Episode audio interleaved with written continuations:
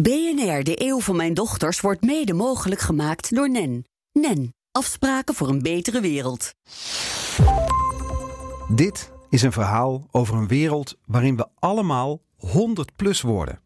Over een land waarin het gaat over onze gezondheidsduur in plaats van levensduur.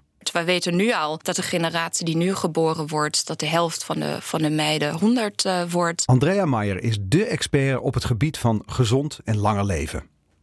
Praten over gezondheidszorg is uit en boze. Alles draait om gezondheid. En dat meten, scannen, monitoren we allemaal zelf met slimme technologie om ziektes te voorkomen. 4000 jaar geleden werd de dokter van de Chinese keizer betaald voor iedere dag dat de keizer niet ziek was. Lucien Engelen is de man die innovatie in de zorg ademt. Dit is de eeuw van mijn dochters. En in deze aflevering leren we alles over de zorg van de toekomst. Here are your vitamins to go. Enjoy your training session, Liza.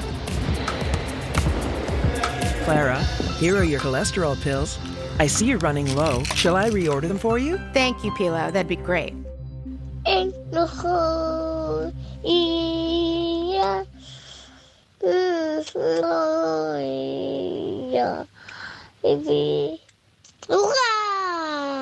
Mijn tweelingdochters Puk en Keesje zijn 2,5 jaar oud. Het zijn kinderen van de 21ste eeuw. Een eeuw waarin alles in beweging is. We leven niet in een tijdperk van verandering, maar in een verandering van tijdperk. Dit is de eeuw van mijn dochters. Andrea Meijer, ik ben heel erg bevoorrecht hoogleraar aan twee topuniversiteiten. Aan de Vrije Universiteit in Amsterdam en aan de University uh, of Melbourne in, in Australië. En daarnaast mag ik ook nog leiding geven aan een groot deel van het ziekenhuis, de Royal Melbourne Hospital, als internist ouderengeneeskunde en als manager. En nou ja, u voelt het natuurlijk al aankomen. Het heeft te maken met veroudering en met het management van hoe je het beste uit het ziekenhuis kunt blijven. Hoe goed je gezond kunt blijven tijdens je leven. Ja. Nou, mijn vraag is nu eigenlijk heel simpel: moeten mijn dochters later voor mij gaan zorgen? Um, dus de vraag hoe zorg gedefinieerd wordt. Um, waarschijnlijk fysiek wel. Er is altijd een fase in het leven waarbij je aftakelt, waarbij je zorg nodig hebt, waarbij zorg dan gedefinieerd is om uit het bed op te kunnen staan, om transities te kunnen maken. Zeer waarschijnlijk is het zo dat wij zorgrobots op een gegeven moment hebben die dat overnemen. Als je het hebt over de sociale en psychologische kant, moeten zij voor je zorgen, natuurlijk. Maar dat moeten zij nu ook al. Ze zijn pas 2,5. Ja, dat is even een, een, een, ding, dat klopt. Maar waarschijnlijk dan over tien jaar is het... Nou ja, zorg voor elkaar, heb elkaar lief. Dat is heel erg belangrijk om gezond oud te worden. Dus waarschijnlijk zorgen zij nu ook al voor, voor je. Ze zorgen nu in zekere zin al voor dat ik gezonder ouder aan het worden ben. Ja. En zorg voor jezelf. Dus dat is ook heel erg belangrijk. Ik, u, wij allemaal moeten ervoor zorgen dat wij de goede dingen doen als we dat zouden willen, om ziektes te voorkomen. Dus zorg is gewoon, heeft heel veel facetten. Dus de transitie is echt, nou, dat, dat wordt overgenomen door robots. Zorg ervoor dat je gezond blijft en zorg voor elkaar. Elke week laten we wetenschappers uit het veld ons wegwijs maken in de komende eeuw. De mensen die de komende decennia gaan vormgeven. Maar wat betekenen alle veranderingen die op ons afkomen nou voor ons als mens? Daarover techniekfilosoof Peter Paul van Beek. Wie gaat er straks voor mij zorgen? Ja, dat is eerlijk gezegd een vraag waar ik mezelf ook wel zorgen over kan maken. Is dat je horloge, eh, je smartwatch die alle data over jou verzamelt en jou coacht om zo lang mogelijk gezond te blijven? Maar leidt dat dan niet tot een soort medicalisering en kun je nog wel genieten van het leven? Of zijn het je, je buren nog, uh, als technologie ook voor je kan zorgen, als zorg kan worden uitbesteed aan robots? Maar is dat dan nog wel echte zorg? Heeft zorg niet ook menselijke betrokkenheid nodig? Dat soort vragen zijn denk ik hele wezenlijke vragen. Mijn naam is Peter Paul Verbeek. Ik ben hoogleraar filosofie van mens en techniek aan de Universiteit Twente en mededirecteur van ons Design Lab. En uh, dit zijn denk ik de vragen die we echt moeten stellen als het gaat om de rol van technologie in de zorg. Allereerst uh, zie je denk ik een enorme ontwikkeling naar uh, robots in de zorg. Uh, een heel bekend voorbeeld is bijvoorbeeld een robot dat mensen, die, die, die mensen eten kan geven. En als je voor het eerst zo'n ding ziet, dan denk je: dit is toch eigenlijk niet zoals we dat zouden willen. Hè, moeten we mensen niet door mensen laten voeren? Maar toevallig was mijn eigen vader in de laatste jaren van zijn leven afhankelijk van anderen om te kunnen eten. En toen ik voor het eerst een eetrobot zag, dacht ik: dit had mijn vader fantastisch gevonden. Hij vond het heel vernederend om zich te laten voeren door anderen. En met deze eetrobot had hij weer controle kunnen krijgen over zijn eigen eetgedrag. En ik denk dat je, als je dat voorbeeld goed tot je laat doordringen, meteen ziet dat je ook bepaalde waarden mee kunt nemen in het ontwerp van robots. En dat we ons vooral moeten afvragen wat nou de kernwaarden zijn in de zorg die we overeind zouden willen houden. Misschien een heel andere lijn van uh, aandacht rondom uh, techniek in de zorg is data. Al die wearables die we hebben, al die coaching die we krijgen om zo lang mogelijk gezond te kunnen blijven leven, leidt tot een enorme stroom aan data. En hoe gaan we daar op een verantwoorde manier mee om? Worden die allemaal eigendom van Google of van andere grote bedrijven? En uh, als dat zo is, wat gebeurt er dan met ons huidige systeem van zorg? Waar ja, solidariteit de, de norm is en waar we verzekerd zijn. Gaat Google niet langzamerhand ook de hele praktijk van de zorg veranderen.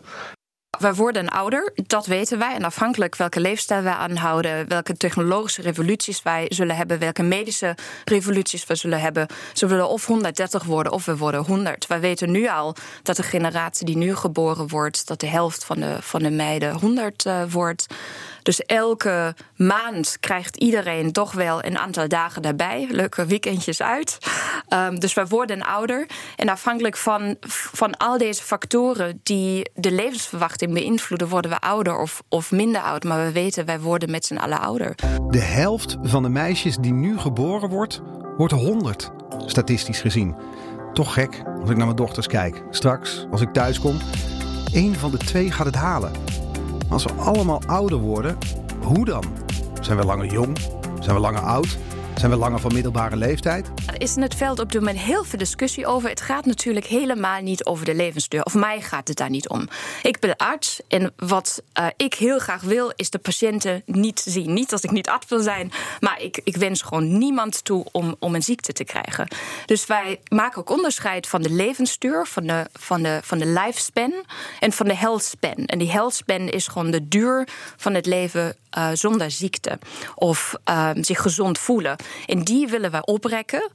En de levensduur met ziekte, die moet natuurlijk zo kort mogelijk zijn. En de aftakeling moet zo kort mogelijk zijn.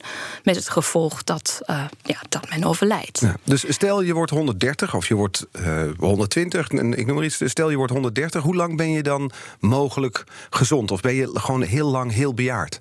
Nou, wat wij op dit moment merken is dat wij op een vroegere leeftijd ziektes krijgen. In Nederland is dat ongeveer op, uh, op 50, 55-jarige leeftijd. Uh, krijgt men de eerste chronische aandoening. Dus de, de levensduur met ziekte wordt dus steeds langer. Dus dat is uit een medisch perspectief. Dus er is een langere periode met ziekte. Maar als we mensen vragen hoe voelt u zich, die voelen zich helemaal gezond. Dus de ervaren gezondheid neemt gewoon toe. Dus op 70-jarige leeftijd zegt de gemiddelde Nederlander nog ja, het, het gaat best goed. Dus de gevoelde gezondheid, die direct zich op en, en positief, terwijl we eigenlijk steeds langer patiënt zijn. En dus ja, het gebruik maken van het gezondheidssysteem, wat eigenlijk geen gezondheidssysteem is, omdat het is een ziekensysteem. Maar als we dus daar steeds langer gebruik van maken, als we langer ziek zijn in ons leven, betekent dat dat de zorg nog duurder gaat worden? Die wordt gedeeltelijk uh, duurder. Kijk, we hebben de, de ziektes beter in bedwang. Uh, kijk bijvoorbeeld aan suikerziekte. Wij, wij de suikerziekte is geen doodsoorzaak in principe ge, meer bij, bij de gewone diabetespatiënt. omdat wij gewoon heel goed met de ziekte kunnen leven. Omdat we ze heel goed kunnen behandelen om, om vervolgens bijwerkingen van die ziekte, narigheid kunnen voorkomen. Dus we kunnen steeds langer met een ziekte leven zonder dat we eigenlijk ons niet ziek voelen. Betekent ook als we die beter en bedwang kunnen hebben, dat het ook minder kost. Dat snap ik niet, want je bent ziek, dus dat, dat Ja. hangen altijd kosten aan vast, toch? Absoluut. Dus de kosten nemen ook razend eh, toe, omdat wij heel goed zijn eh, om ziektes eh, te, te, ja, eigenlijk te Behandelen, verwerven eh, en te diagnosticeren. Maar in principe, als je grote bijwerkingen kunt voorkomen, dan heb je wel langer heb je, heb je kosten, maar die kosten per maand zijn iets lager, omdat er gewoon heel veel technologische innovaties ook bij komen en wat ze beter kunnen behandelen. Ja, maar dan ben ik toch aan het bedenken met mijn boerenverstand. Ik ben lang niet zo intelligent als jij natuurlijk, maar ik probeer me dan voor te stellen... we hebben een grotere groep Mhm. eh, mensen die langer leven met een ziekte. Met Mhm. een chronische ziekte.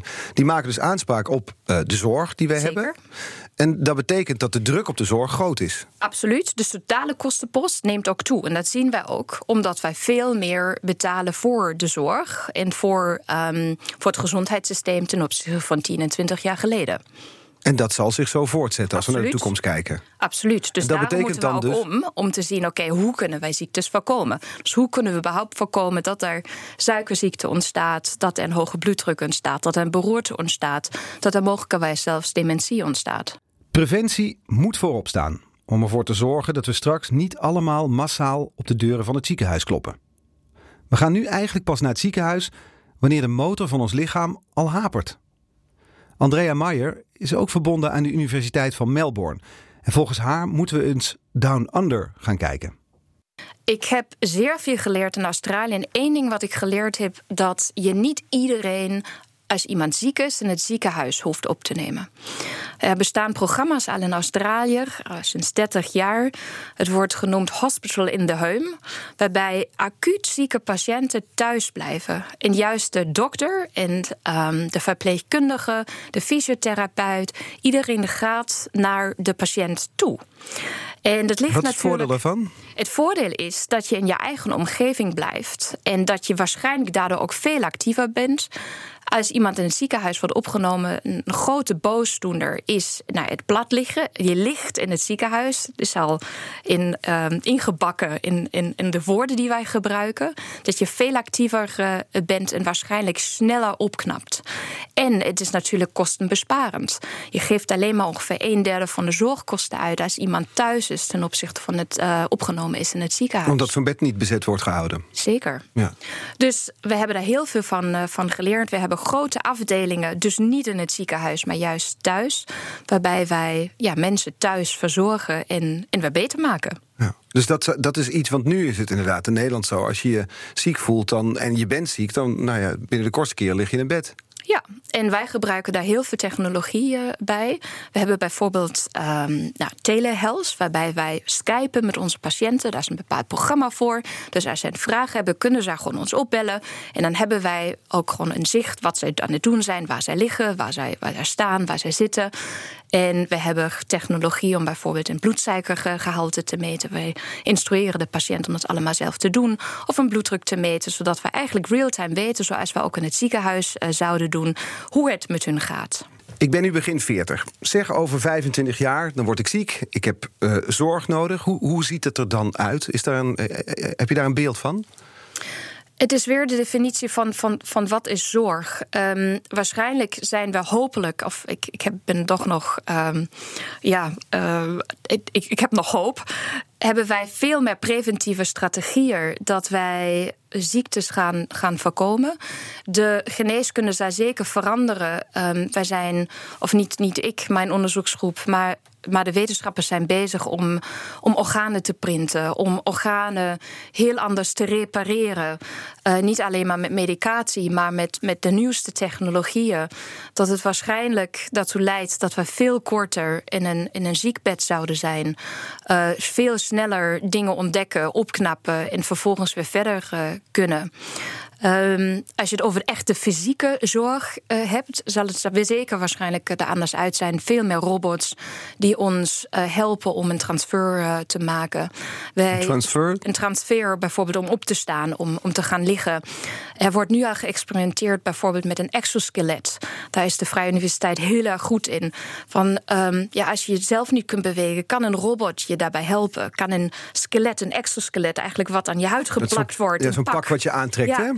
Uh, kan je je dan toch, kun je dan, hoef je niet in een rolstoel te zitten, maar kun je toch lopen.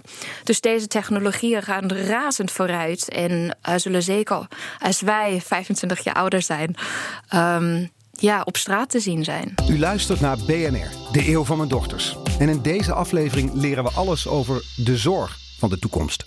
We krijgen allemaal extra tijd, hoorden we al van Andrea Maier. Heel veel zorg gaat verplaatst worden naar de thuissituatie. Al dan niet met een beetje hulp van een robot. Een exoskelet bijvoorbeeld. Lucien Engelen, expert op het gebied van zorginnovatie, ziet drie duidelijke rollen wanneer we hem de vraag stellen wie er straks voor mij gaat zorgen. Ik hou ervan te geloven dat er een combinatie gaat ontstaan van dat je voor jezelf zorgt. Meer nog dan nu. Want nu is het als er iets is, dan moet de dokter het maar oplossen met de verpleegkundige. Uh, dus dat je daar zelf een grotere rol in hebt om het te voorkomen en het, om het op te lossen. Daarnaast denk ik dat de mantel, als ik dan even je dochters uh, de mantel mag noemen. Uh, zeker ook een grotere rol gaan spelen. Uh, je ziet overigens in andere landen dat dat heel normaal is. In Duitsland is het absoluut normaal dat je je ouders in eigen huis neemt. Verzorgingstehuizen, en bejaardenhuizen of ouderencentra, die kennen ze daar niet of nauwelijks, zeg maar. En de derde component, dus aanvullend aan jezelf en aan je mantel, is technologie. Dat technologie jullie beiden in staat zal stellen om het proces van ouder worden op een andere manier in te gaan richten. Met keuzes die je zelf hebt, waar je zelf ook over gaat. Waarschijnlijk samen met je dochters dan.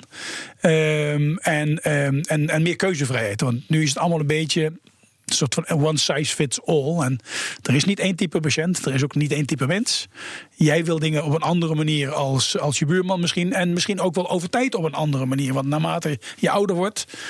En daar waar je in het begin misschien dan zegt van nou, ik vind het wel prima zo, krijg je misschien een ander beeld op het moment dat je in je uppie op een kamer zit en daarna door een zorgrobot of zo verpleegd moet worden. Maar volgens mij willen we allemaal hetzelfde, toch? Gezond zijn of worden. Ja, maar wat is gezond? Dat je geen last hebt van ziektes, ja. van andere ellende. Dat ja. ik gewoon uh, gezond van lijf en leden over straat kan gaan. Weet je, ik, ik heb veel met patiënten gesproken die, die een chronische aandoening hebben. En ik zeg nu al gelijk patiënten. En, en, en een aantal hun die zeggen: Ik ben geen patiënt, ik ben iemand met een chronische aandoening. De sticker patiënt erop plakken is al gelijk. Hè, bij de letter van de wet ben je dat natuurlijk, het gaat even niet om. Maar die voelen zich gezond. Die zeggen: Ik heb een aandoening. Iemand met diabetes, ik heb dat, kan dat prima inregelen. En daarmee heb ik gewoon een gezond leven. Dus je ziet dat daar al een verschuiving plaatsvindt van wat jij en ik misschien gezond zouden vinden. Dat je op het moment dat je dat hebt en daarmee om kunt gaan. En je je leven opnieuw hebt heringericht, is dat wat je gezond noemt. We worden met z'n allen ouder. We zullen dus met z'n allen meer zorg nodig hebben. We zullen met z'n allen op de deuren van de ziekenhuizen staan te kloppen om, om zorg te vragen. Ja. Is dat überhaupt te betalen straks nee, in de natuurlijk toekomst? niet. Ik, ik, geloof ook dat de rol van ziekenhuizen gewoon een andere gaat worden. Er zullen ziekenhuizen zijn, even voor de duidelijkheid. Alleen denk ik dat de zorg die in ziekenhuizen geleverd wordt steeds meer complexer gaat worden. En dat uh, routinematige dingen die nu in ziekenhuizen uh, uh, en misschien ook bij huisartsen plaatsvindt, voor een deel door technologie overgenomen gaat worden. Maar hoeveel kost de zorg vergeleken met nu over zeg 20 jaar, 25 jaar? Ik heb daar geen cijfers voor. Ik durf ook geen voorspelling te doen. Alleen als we nu gaan, gaan kijken dat de, de, er, zijn, er zijn mensen die zeggen we betalen nu 27% van ons netto salaris en gezondheidszorg. Dat wordt 40% als we zo doorgaan. Nou, dat is natuurlijk een onhoudbare situatie. Nou, astronomisch. Daarnaast hebben we te maken met nu al tekorten aan medewerkers, geschoold personeel in de gezondheidszorg. Dus daar hebben we, mee te maken. We gaan een verdubbeling van die zorgvraag krijgen en we gaan waarschijnlijk niet meer geld erbij krijgen. Dus dat betekent dat een enorme kramp op dat proces gaat komen. Wat gaat maken klinkt dat we- onoplosbaar. Te weinig mensen, te veel geld en te veel vraag. Nou ja, of, eh, of het onoplosbaar is. Ik, als we op tijd gaan schakelen en meer naar de voorkant gaan, denk ik dat we het in ieder geval beheersbaar houden. Laat ik het dan zo stellen. Het zal altijd een, een enorme kostenpost zijn, als ik het ook kostenpost mag noemen, met eerbied. Eh, maar we moeten het wel zien te beteugelen. En dat betekent in mijn optiek dat je dus naar de voorkant moet. Ja. En dat je dus ook daar waar we dus nu vaak denken, nou, we gaan naar de huisarts, we gaan naar het ziekenhuis toe, dat dan in een aantal situaties ook anders gaat lopen. Nou, een heel simpel voorbeeld is. Laat ik één voorbeeld noemen, waar ik veel zelf in heb gedaan, zijn videoconsulten. Hè. Dus door middel van een videoverbinding contact hebben met je dokter of met je verpleegkundige. Ik denk dat jij en, en, en ik en vele andere mensen gewoon bijna op weekbasis via video contact hebben met vrienden, familie, bekenden, FaceTime, Skype, weet ik wat voor andere systemen je hebt. El dan niet met kleren aan. Dat. Eh, maar wie heeft dat nou al een keer met zijn dokter gedaan of met zijn verpleegkundige? Dat zijn er toch nog weinig. En vijf jaar geleden is er al wetgeving aangepast dat dat kan. Er is een betaaltitel voor, dat dat ook betaald wordt voor de dokter of voor de verpleegkundige. En recent heeft de Nederlandse Zorgautoriteit ook de noodzaak om een fysieke aanwezigheid bij consults te hebben, bij wet ook afgeschaft. Dus je ziet dat daar bewegingen in komen. Dus dat wil niet zeggen dat die zorg niet door het ziekenhuis geleverd wordt, maar hij wordt op een andere locatie geleverd. Lucien Engelen is een groot pleitbezorger van een radicale transitie in de zorg. Het woord zorg wil hij eigenlijk helemaal niet meer horen. Het gaat om gezondheid. En dat hebben de grote techbedrijven ook al lang begrepen. We zijn in staat om op afstand hartslag en dergelijke te meten. Ik heb zo'n zo'n horloge van Apple dan onder. Daar kan ik een hartfilmpje mee maken. Dat is gewoon wetenschappelijk goedgekeurd notabene. Het wordt over de toonbank verkocht zonder een doktersvoorschrift. Dat, is, dat is de beweging die we zien. Daar komt nieuwe We gaan onszelf meer scannen. We gaan meer dingen doen zelf die we nu bij een zorgprofessional doen. En of dat nou het ziekenhuis of bij de huisarts is. Dus we zullen er eerder van op de hoogte zijn. Nu hebben we te maken met wat ik dan wel eens een keer statische data noem. Er is iets gemeten en op basis van wetenschappelijk onderzoek doen we X of Y. We zitten nu in een periode dat je naar het ziekenhuis toe gaat en een, een röntgenfoto gemaakt wordt of een bloedafname gedaan wordt. En dat is dus een momentopname. En we gaan dadelijk naar real-time data toe. Dat je dus eigenlijk gewoon kunt gaan voorspellen dat jij over een paar weken gewoon iets krijgen. Ik vind een mooi voorbeeld, ondanks het feit dat het nog niet wetenschappelijk aangetoond is, maar Amazon met hun slimme speaker is nu in staat om op basis van slaapgeluiden van jou te voorspellen, een half uur voordat je een hartstilstand krijgt, dat dat gaat gebeuren op basis van een algoritme van weet ik hoeveel mensen dat ze het geanalyseerd hebben. Stel je nou eens voor dat je dus een ambulance kunt waarschuwen al voor die, voordat het gaat plaatsvinden. Dat iemand op de deur klopt en zegt: Kom wat hartinfarct. Dan zegt niks iemand: aan de Dat is hier hand, niet. En dan zegt iemand: Wacht u maar binnen vijf vijf minuten. Weet je, we kunnen er natuurlijk een grapje van maken, maar mijn, waar mij om gaat is de techniek gaat verder en gaat dingen mogelijk maken. Hoe snel gaat die vooruitgang? Hoe snel is eh, wat, ik- wat je ziet in de medische zorg? Hoe snel zijn zijn de stappen die nu Ja. gemaakt worden? Nou, ik denk dat er twee dingen zijn. We zijn gewend om lineair te denken. Gewoon in stapjes. Dat een beetje beter als vandaag. En morgen weer een beetje beter en noem maar op. Wat je nu veel ziet is dat veel van die ontwikkelingen, zoals ze dat dan noemen, exponentieel gaan. Dus je ziet dat die ontwikkelingen stapelen. En ik, kan, ik had vanochtend een ontbijt met een goede vriend van mij in Amerika. eh, is daar verantwoordelijk voor een heel groot zorgsysteem. En die zei, Lucien, de komende drie, vier jaar zien we meer ontwikkelingen in de geneeskunde dan in de achterliggende 25 jaar. Omdat dat allemaal gaat stapelen. Nou, de komende nou- drie jaar meer dan in de afgelopen 25 jaar. ja, en dat vond ik, vind ik nog een uitspraak. Rashu Shrestha, dat, eh, hij, hij weet echt waar hij over praat, zou ik maar zeggen. Ehm, maar ik hoorde dus op meer plekken dat mensen die echt heel nadrukkelijk met dit soort zaken bezig zijn, nu zien dat die ontwikkelingen gaan stapelen. En waar hebben we het over dan? Wat voor ontwikkelingen bijvoorbeeld? Waar moeten we aan denken? Nou ja, dan heb je dus over eh, algoritmes die uiteindelijk gewoon dingen kunnen gaan voorspellen op basis van meetdata die real-time plaatsvindt. We zitten nu nog in de fase dat we voor veel van die dingen aan moeten tonen dat het ook echt werkt. We hebben ook nog te maken met wat we dan de worried well noemen. Mensen die gezond zijn, maar die zich juist ongemakkelijk gaan voelen omdat ze een piepje of een kraakje horen. Dat wordt natuurlijk ook door die algoritmes uiteindelijk opgelost. Maar je gaat dadelijk wel naar ontwikkelingen toe dat, dat, dat in je bloedbaan, bij wijze van spreken, kleine, en of dat nou nanorobotjes of iets dergelijks zijn, eh, kleine apparaatjes in staat zijn om dingen op te lossen waar je nu nog voor geopereerd moet worden. Kijk naar hoe in het verleden hartoperaties plaatsvonden en hoe klein dat dat tegenwoordig gebeurt. Dat is natuurlijk een ontwikkeling van vele jaren. En wat je dus nu ziet is dat die ontwikkelingen sneller gaan dan in de achterliggende tijd. Dus ik loop, en niet alleen ik, maar wij lopen over 10, 20 jaar misschien wel met een soort apparaatjes in ons lijf of aan ons lijf die ons permanent scannen en preventief van alles kunnen opsporen. Nou, ik denk dat dat nu al is. Kijk naar zo'n horloge. Die, die scant voortdurend mijn hartslag. Ik loop basis- hopeloos achter, hè? Nou, weet ik niet, maar op basis van, van, van, van wat hij van mij weet, zegt hij van dit is anders. Hij zegt niet dat dit een probleem is, maar hij zegt dit is anders. Wil je er even naar kijken? Nou, en dat soort algoritmes die worden steeds beter. Nogmaals, we staan pas aan het begin daarvan. Wat je nu ziet, wat er aan het gebeuren is, maakt wel dat we daar wel op moeten anticiperen. En dat vraagt wel een ander model. En dat vraagt een ander systeem. Worden we straks überhaupt nog ziek? Tuurlijk. Nou, met alles wat ons kan, Ja. preventief kan scannen. Als je, eh, en ik ben geen historicus, maar als je terugkijkt, zie je dat er altijd een enge ziekte is geweest. En dan uiteindelijk hebben we die ziekte beteugeld met de pest en noem maar op, allemaal TBC. En dan is er wel weer een andere die uiteindelijk eh ons zorgen baart, zeg maar. Dus ik geloof dat we zeker altijd ziek worden. Ik geloof ook niet dat het menselijk lichaam een oneindige rek heeft. Eh, los van het feit dat er allerlei mensen zijn die daar wel heel hard aan het werken zijn. Die zeggen, nou, we kunnen het oplossen, we kunnen het terugdraaien. Ik weet niet of dat, dat gaat gebeuren, maar eh, ehm, ik, ik probeer het wel te volgen, laat ik maar zo stellen. Maar ik geloof wel dat we altijd ziek zullen worden. Eh, wat dan ook ziek mag zijn. En daarmee zullen we dus ook altijd zorg nodig hebben. Ja. Wat ik dus wel daarin denk, is dat we er eerder bij zullen zijn en daardoor in staat zullen zijn om laat ik maar zeggen, erger te voorkomen. Uh, op het moment dat je dus iemand hebt met COPD, hè, die dus uh, last van, van, uh, van ademhalingsproblematiek in combinatie met hartproblematiek heeft. als die mensen een, een, een, een, een ernstige aanval krijgen, om het maar zo te noemen, hebben die een hele tijd nodig om weer te herstellen. Op het moment dat je dat nu vroegtijdig kunt detecteren en sneller kunt ingrijpen, voorkom je dat zogenaamde live event, zoals ze dat dan noemen. En heb je dus de mogelijkheid om gewoon sneller weer te herstellen van de, de, de kleinere aanval, bij wijze van spreken, dan wat het helemaal te kunnen voorkomen. Als je naar het systeem kijkt, dan zie je dat de financiële stimulans voor ziekenhuizen hem zit in de zorg die ze leveren. Hm. Um, misschien zouden we dat wel moeten omdraaien. Dat je kijkt naar hoeveel mensen er gezond zijn en dat je op, dat manier, op die manier uh, een beloningssysteem optuigt. Ik zou, er heel, ik zou er heel erg voor zijn en ik hoop ook dat het ooit gaat gebeuren. Uh, wat je nu ziet is dat het inderdaad op een andere manier is ingericht. Het gaat over de volume en het gaat over de productie die geleverd wordt. Maar het is in feite gewoon een volstrekt achterhaald systeem. 4000 jaar geleden werd de, Chinese, werd de dokter van de Chinese keizer betaald voor iedere dag dat de keizer niet ziek was.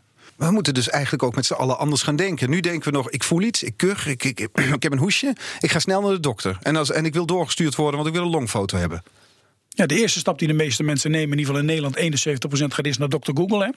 Ja, herkenbaar. Maar, maar dan ben je meteen heel ernstig ziek, hè, als je daar kijkt. Ja, dat, zo begint het dan. Hè? En vervolgens ga je dan naar de dokter toe. En, je, en eigenlijk weet jij al, in ieder geval in je hoofd, ik weet wat ik heb. En je gaat voor soort van second opinion naar de dokter. Um, en, en, dan krijg je iets anders horen. En dan begin je te twijfelen misschien wel. Je, dat zijn natuurlijk wel processen die erin zitten. En uiteindelijk wil je doorgestuurd worden. En wil je ook een foto, omdat je buurman ook een foto. Ik maak er een beetje een karikatuur van. Maar het is wel een soort van vraagzorg geworden. En de ethische vraagstukken die daarmee ook om de hoek komen. Die uiteindelijk ook vanuit de zorgprofessional naar jou als patiënt of als burger toe zeggen van. ik vind het niet nodig. En ik denk niet dat het nodig is dat ik jou een medicijn geef. Ja, maar dan misschien is het over twee dagen genoeg zorg krijg. Nee, maar misschien is het over twee dagen wel over, zeg maar. Ja, maar misschien niet. En dan bent u te laat. Dit. Nou, dus dat is, is, een beetje leven, de. Het is mijn lijf. Ja, ik ben het helemaal met je eens. Maar dat is een beetje de. wil die foto de, nu. De, balans die we moeten gaan zoeken. En, balans, maar dat doe maar bij iemand anders. Ik wil geholpen worden. Ik wil nu die foto. Ja. Nou, dat is dus het verhaal. Hè. Op het moment dat ik je nu zou vragen en je hebt zelf niets, te zeggen: Nou, ik wil het graag betaalbaar houden. Hè. Die 27% vind ik echt wel genoeg. Moet niet naar 40%. Maar op het moment dat het je eigen ontbijtbordje raakt, zit je er anders in. Oké, maar waar moet ik mijn dochters nu op gaan voorbereiden? Misschien is het wel tegen die tijd zo dat als ze nou eens een jaar of, uh, nou zeg eens wat, uh, 7, 8 ouder zijn, dat ook op de school waar zij zijn, dit soort basisvaardigheden, hoe zorg je voor je ouders, ook aangeleerd wordt. Van hoe kun je dat op een goede manier doen? En daar waar je dus nu zelfs al ziet dat kinderen gewoon hun ouders op meenemen in hoe ga je met de telefoon mee, wij spreken. Dus zowel op gezondheidsvaardigheden voor hunzelf, hoe blijf je langer gezond, als hoe kan ik ondersteunen om mensen om mij heen te ondersteunen op het moment dat het nodig is. Ik denk echt dat het de inzet van, laten we maar de mantel noemen als, als, als verzamelnaam, um, een onomkeerbaar proces is. En dat technologie daarbij kan helpen. En ook een groter bewustzijn en bevoorrading van jezelf uh, over hoe je jezelf gezond kan houden. En ik hoop dat die krachten samen uiteindelijk gaan zorgen ervoor dat het een beheersbaar verhaal wordt. Beheersbaar houden, daar gaat het allemaal om. De zorg slokt nu al een kwart van ons nationale budget op. En het gaat misschien wel naar 40% als we zo doorgaan. We worden ouder, dus we gaan zorg nodig hebben. Vandaar mijn vraag: moeten mijn dochters voor mij gaan zorgen? Als we eens naar landen om ons heen gaan kijken, is die kans best wel groot eigenlijk. Drie rollen worden in de toekomst essentieel volgens Lucien Engelen: zorg voor jezelf, mantelzorg en technologie. Puk en Keesje, als jullie dit later horen, je hoort het dus ook van een ander. Jullie zullen voor me moeten gaan zorgen. Liefs, papa. BNR, de eeuw van mijn dochters, wordt mede mogelijk gemaakt door NEN. NEN, afspraken voor een betere wereld.